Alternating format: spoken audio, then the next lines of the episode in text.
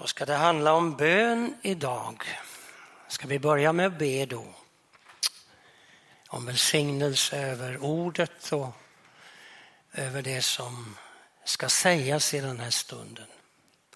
Herre, jag överlämnar vår fortsatta gemenskap i dina händer. Jag ber om att din röst ska höras genom ditt ord, också i tankar som jag försöker förmedla. Herre, tack att du vill tala till oss in i våra liv på ett särskilt sätt denna förmiddag. Tack för den här möjligheten att vi här kan vända oss till dig i bön, i lovsång, i tillbedjan. Herre, du är med oss nu i denna stund. Jag tackar dig för det. Amen.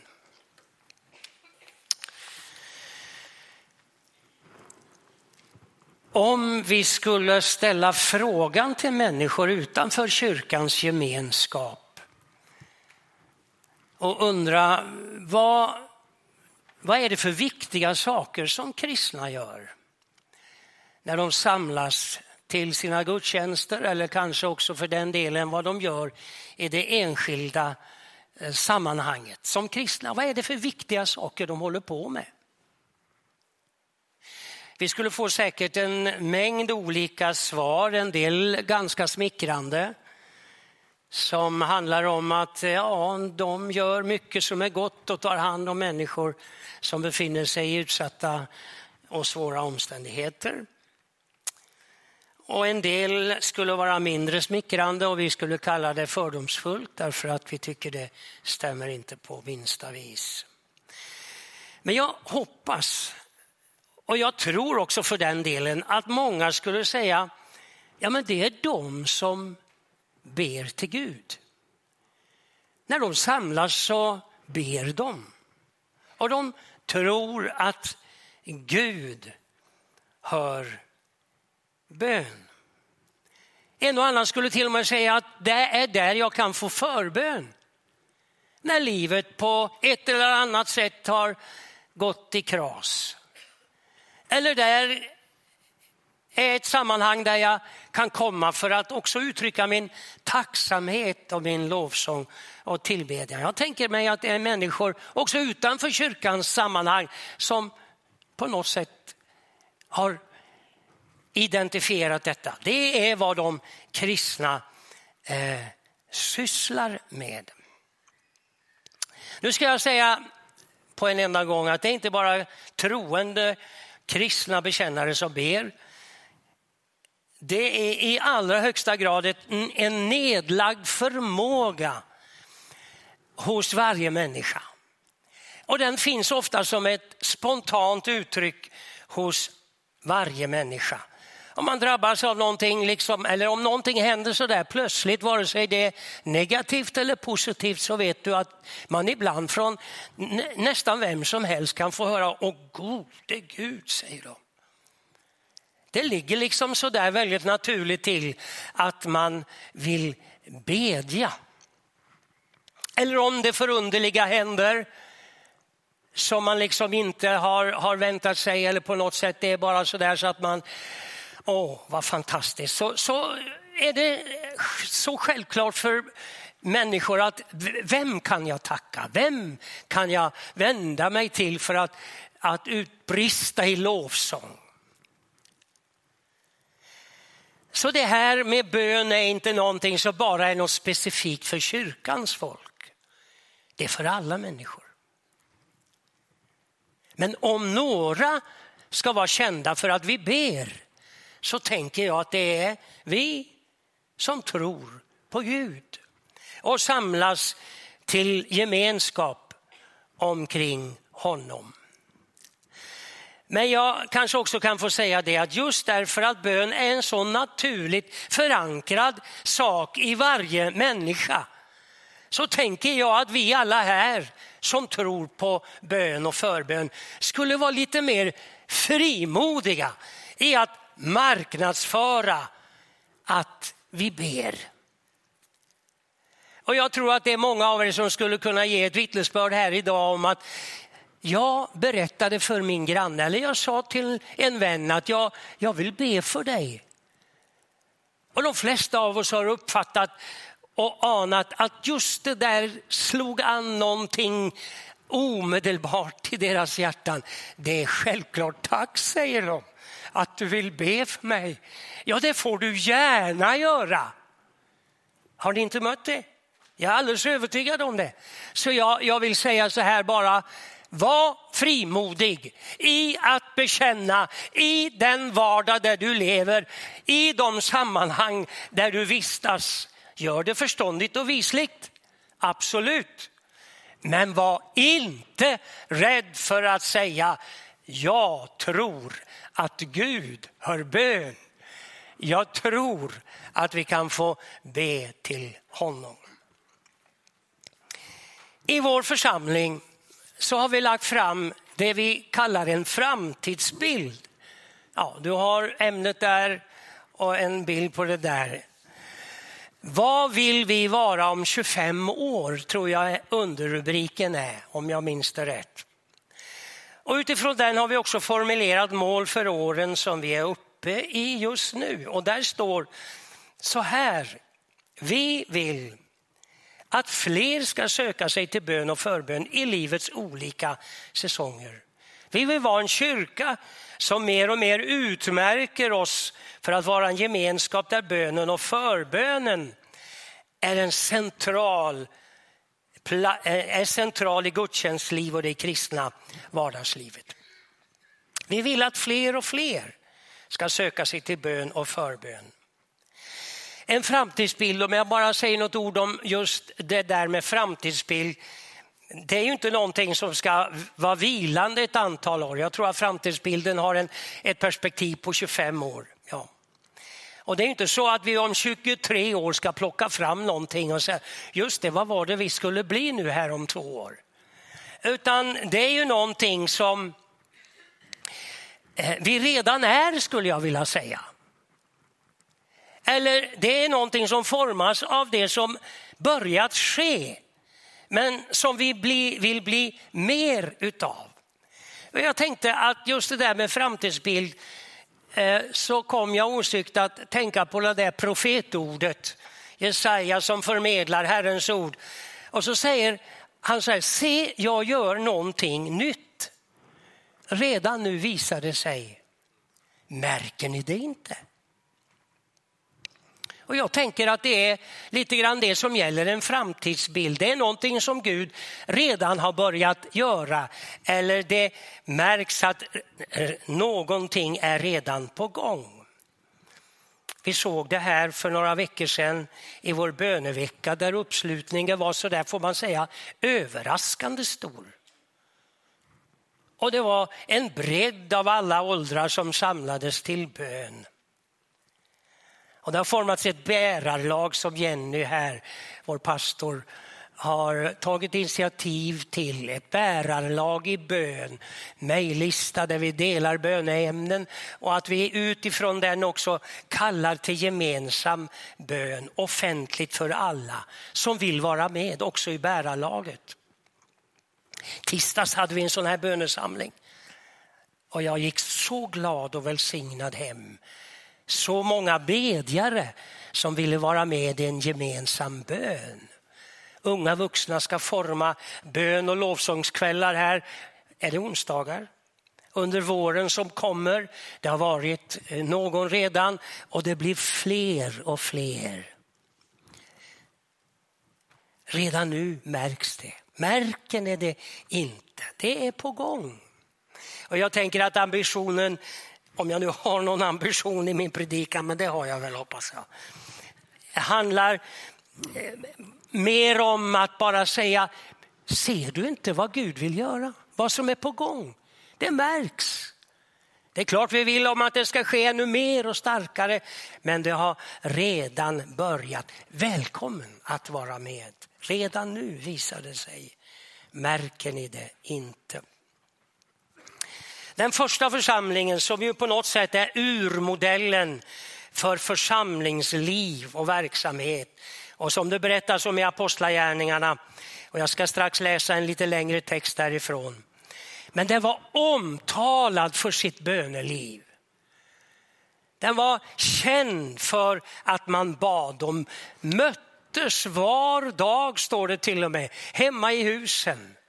Och de samlades till bön bland annat. Och det står där att de deltog troget i apostlarnas undervisning och den inbördes hjälpen, i brödbrytandet och bönerna. Det troende bad när de möttes.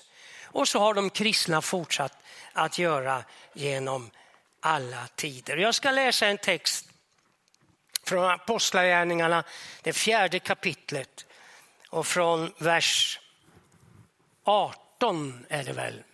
Verserna är inte utsatta här på skärmen. Men jag läser i Jesu namn, du följer med. Det här handlar om ett gemensamt bönemöte i den första församlingen. Det hade skett ett märkligt under, en man som hade varit lam och satt vid sköna porten. Han var över 40 år gammal. Och när Petrus och Johannes och apostlarna kom där så, så, så tiggde han någonting, om du läser sammanhanget. Men då säger Petrus, silver och guld har jag inte, men det jag har det ska jag ge dig. I Jesu Kristi Nazarens namn, stig upp och gå. Och så skedde ett märkligt under. Och de fick tillfälle att förkunna evangelium i sammanhanget. Och det där togs inte emot riktigt så väl av alla. Utan de kom i häkte och fängelse. Och så läser jag från 18 versen. Det kallade in dem, alltså apostlarna, och sa åt dem att aldrig tala eller undervisa i Jesu namn.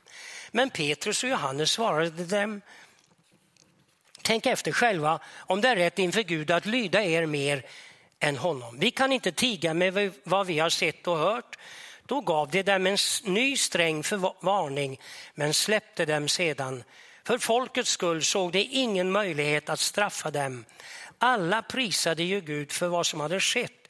Ty mannen som hade blivit botad genom, att, genom detta tecken var över 40 år gammal. Sedan de hade blivit fria sökte de upp sina egna och berättade vad de översteprästerna och de äldste hade sagt till dem. När de andra hörde det började de gemensamt be högt till Gud och sa Härskare du som har gjort himmel och jord och hav och allt vad det rymmer du som har låtit den heliga anden säga genom vår fader David, din tjänare, varför förhäver sig hedningarna? Varför smider folken fåfänga planer? Jordens kungar träder fram och förstarna gaddar sig samman mot Herren och hans smorde. Ja, det har sannerligen gaddat sig samman här i denna stad mot din helige tjänare Jesus som du har smort. Herodes och Pontius Pilatus, hedningarna och Israels folk, alla har de gjort vad din makt och ditt beslut hade förutbestämt. Se nu hur det hotar oss, Herre, och ge dina tjänare frimodighet att förkunna ditt ord. Sträck ut din hand, bota det sjuka. Låt tecken och under ske genom din helige tjänare Jesu namn. När de hade slutat be skakade marken där de var samlade och alla fylldes av den heliga anden och förkunnade frimodigt Guds ord. Jag tänkte låt oss titta på det här gemensamma bönemötet. Jag lyfter några tankar, viktiga inslag i en gemensam bön. Men också viktig skulle jag vilja säga och viktiga i den enskilda bönen. Bakgrunden har jag redan delvis redogjort för. Men församlingens ledare utifrån det här undret hade de förkunnat evangelium om Jesus. De hade förkunnat att det finns bara frälsning i namnet Jesus. Och det här hade upprört så väldigt så att eh, eh de hade satts i häkte. Men till slut efter skarpa förmaningar och, och, och bud om att ni får inte tala i det namnet mer. så släpptes de. Och när de hade blivit fria sökte de upp sina egna och berättade allt det här. Och när de hörde det så står det att de började gemensamt be högt till Gud. Och i den här bönen så blev det ett tillfälle för lärjungarna, apostlarna, den första församlingen att rustas med frimodighet och kraft i den andliga striden. Se nu hur de hotar oss, Herre. Och Herre, ge dina tjänare frimodighet att förkunna ditt ord. Det är alldeles uppenbart att den här gemensamma bönestunden hade till uppgift, eller var ett slags andligt gemensamt arbete, särskilt i en kampsituation. De började be högt till Gud.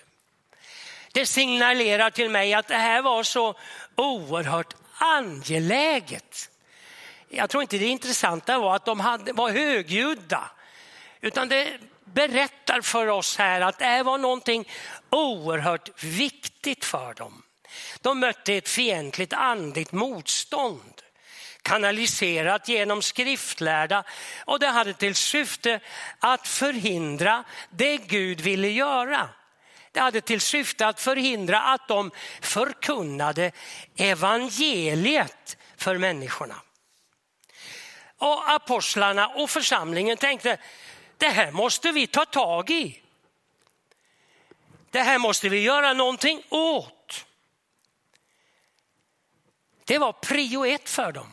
Det var inte nu efter frisläppandet att hem och duscha och byta om och krama familjen.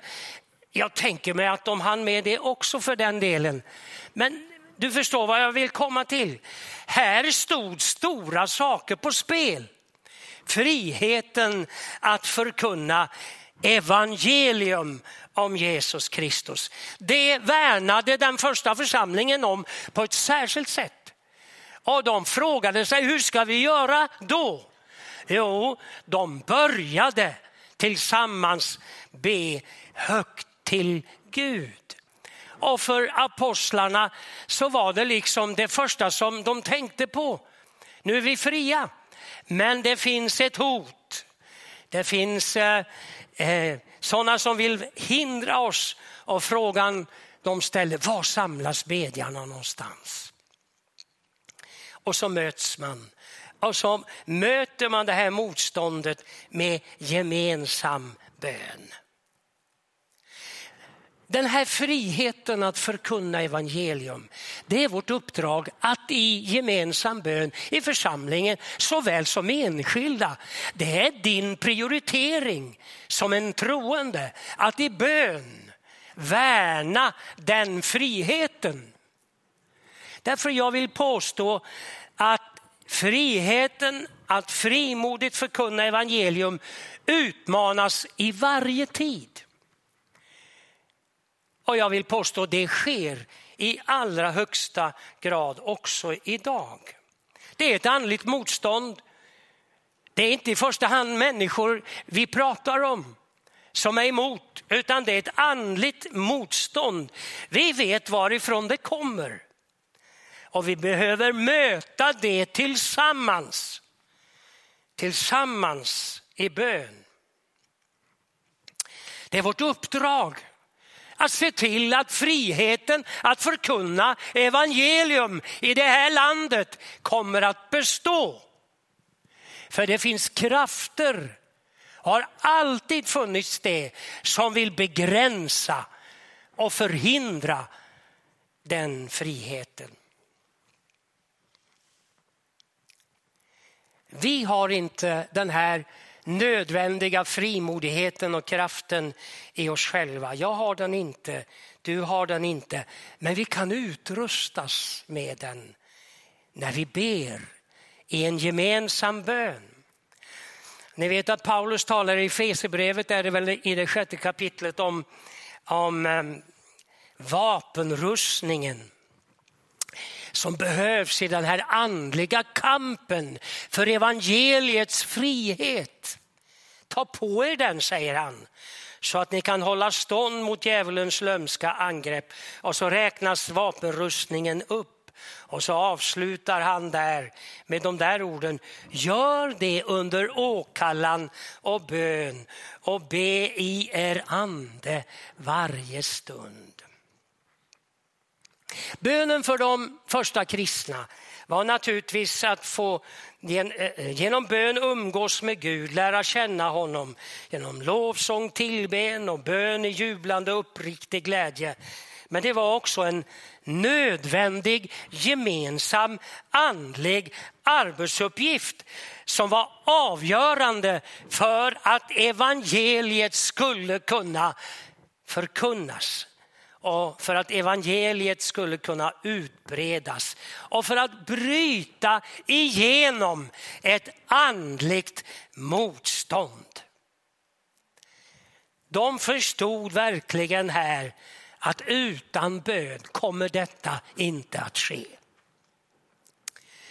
Och Gud kallar oss som församling, som Malmö pingstförsamling Se till att friheten att förkunna evangelium i den här staden, i det här landet, att den kommer att bestå.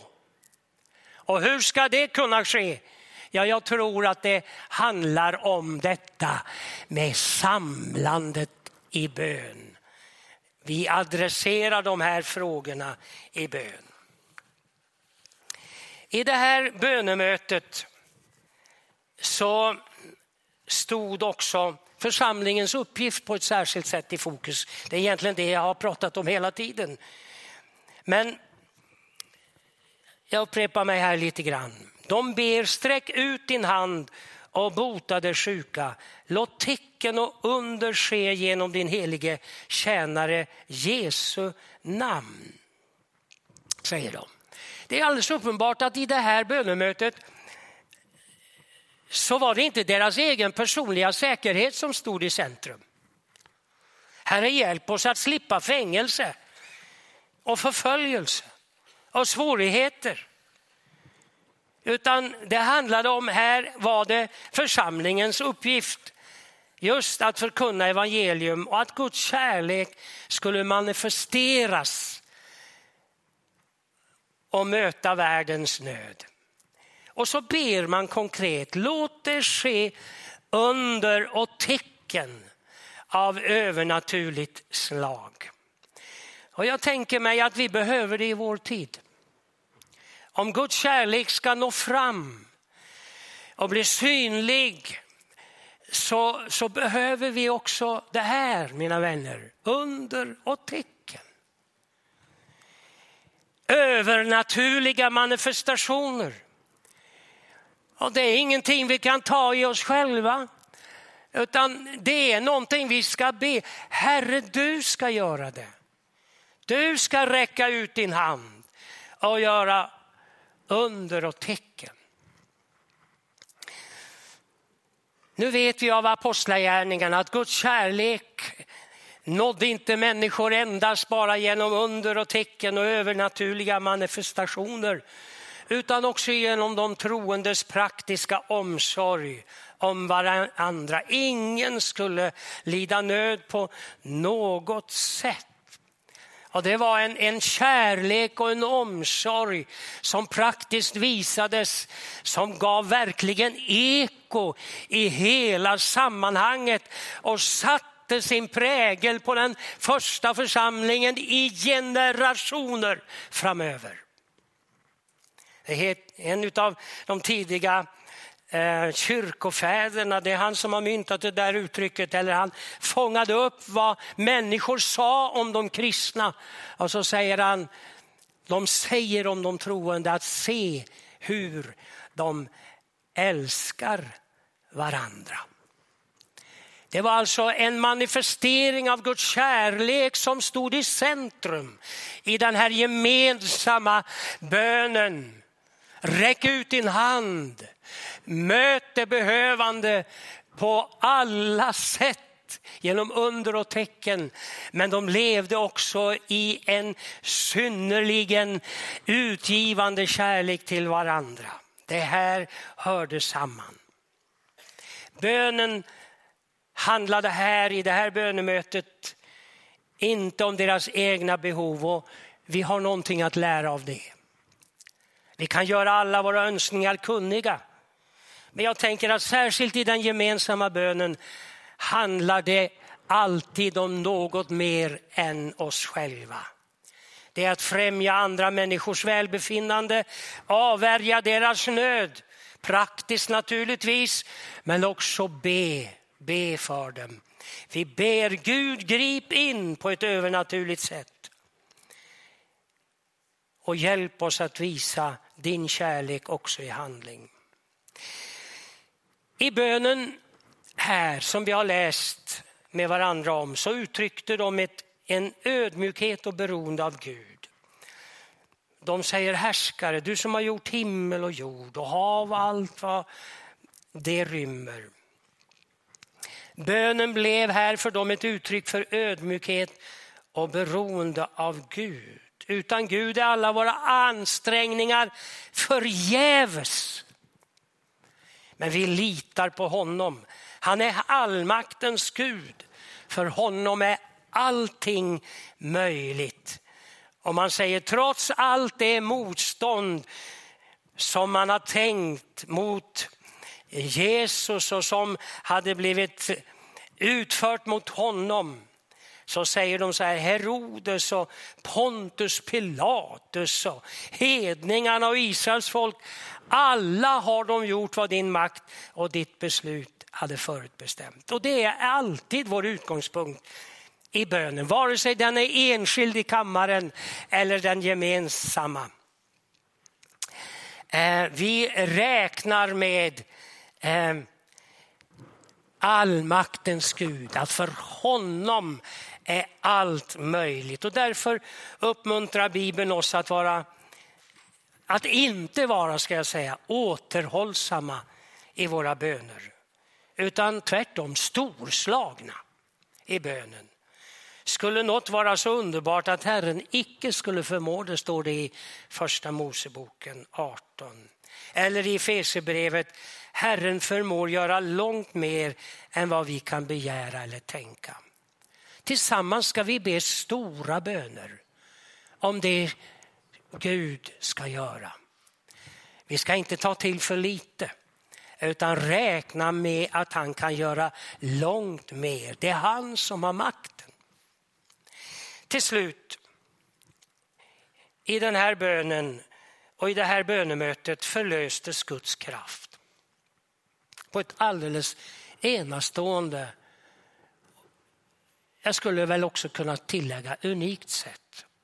Jag har inte hört om så många bönemöten som har slutat på det sättet och jag har aldrig varit med på ett sådant tidigare.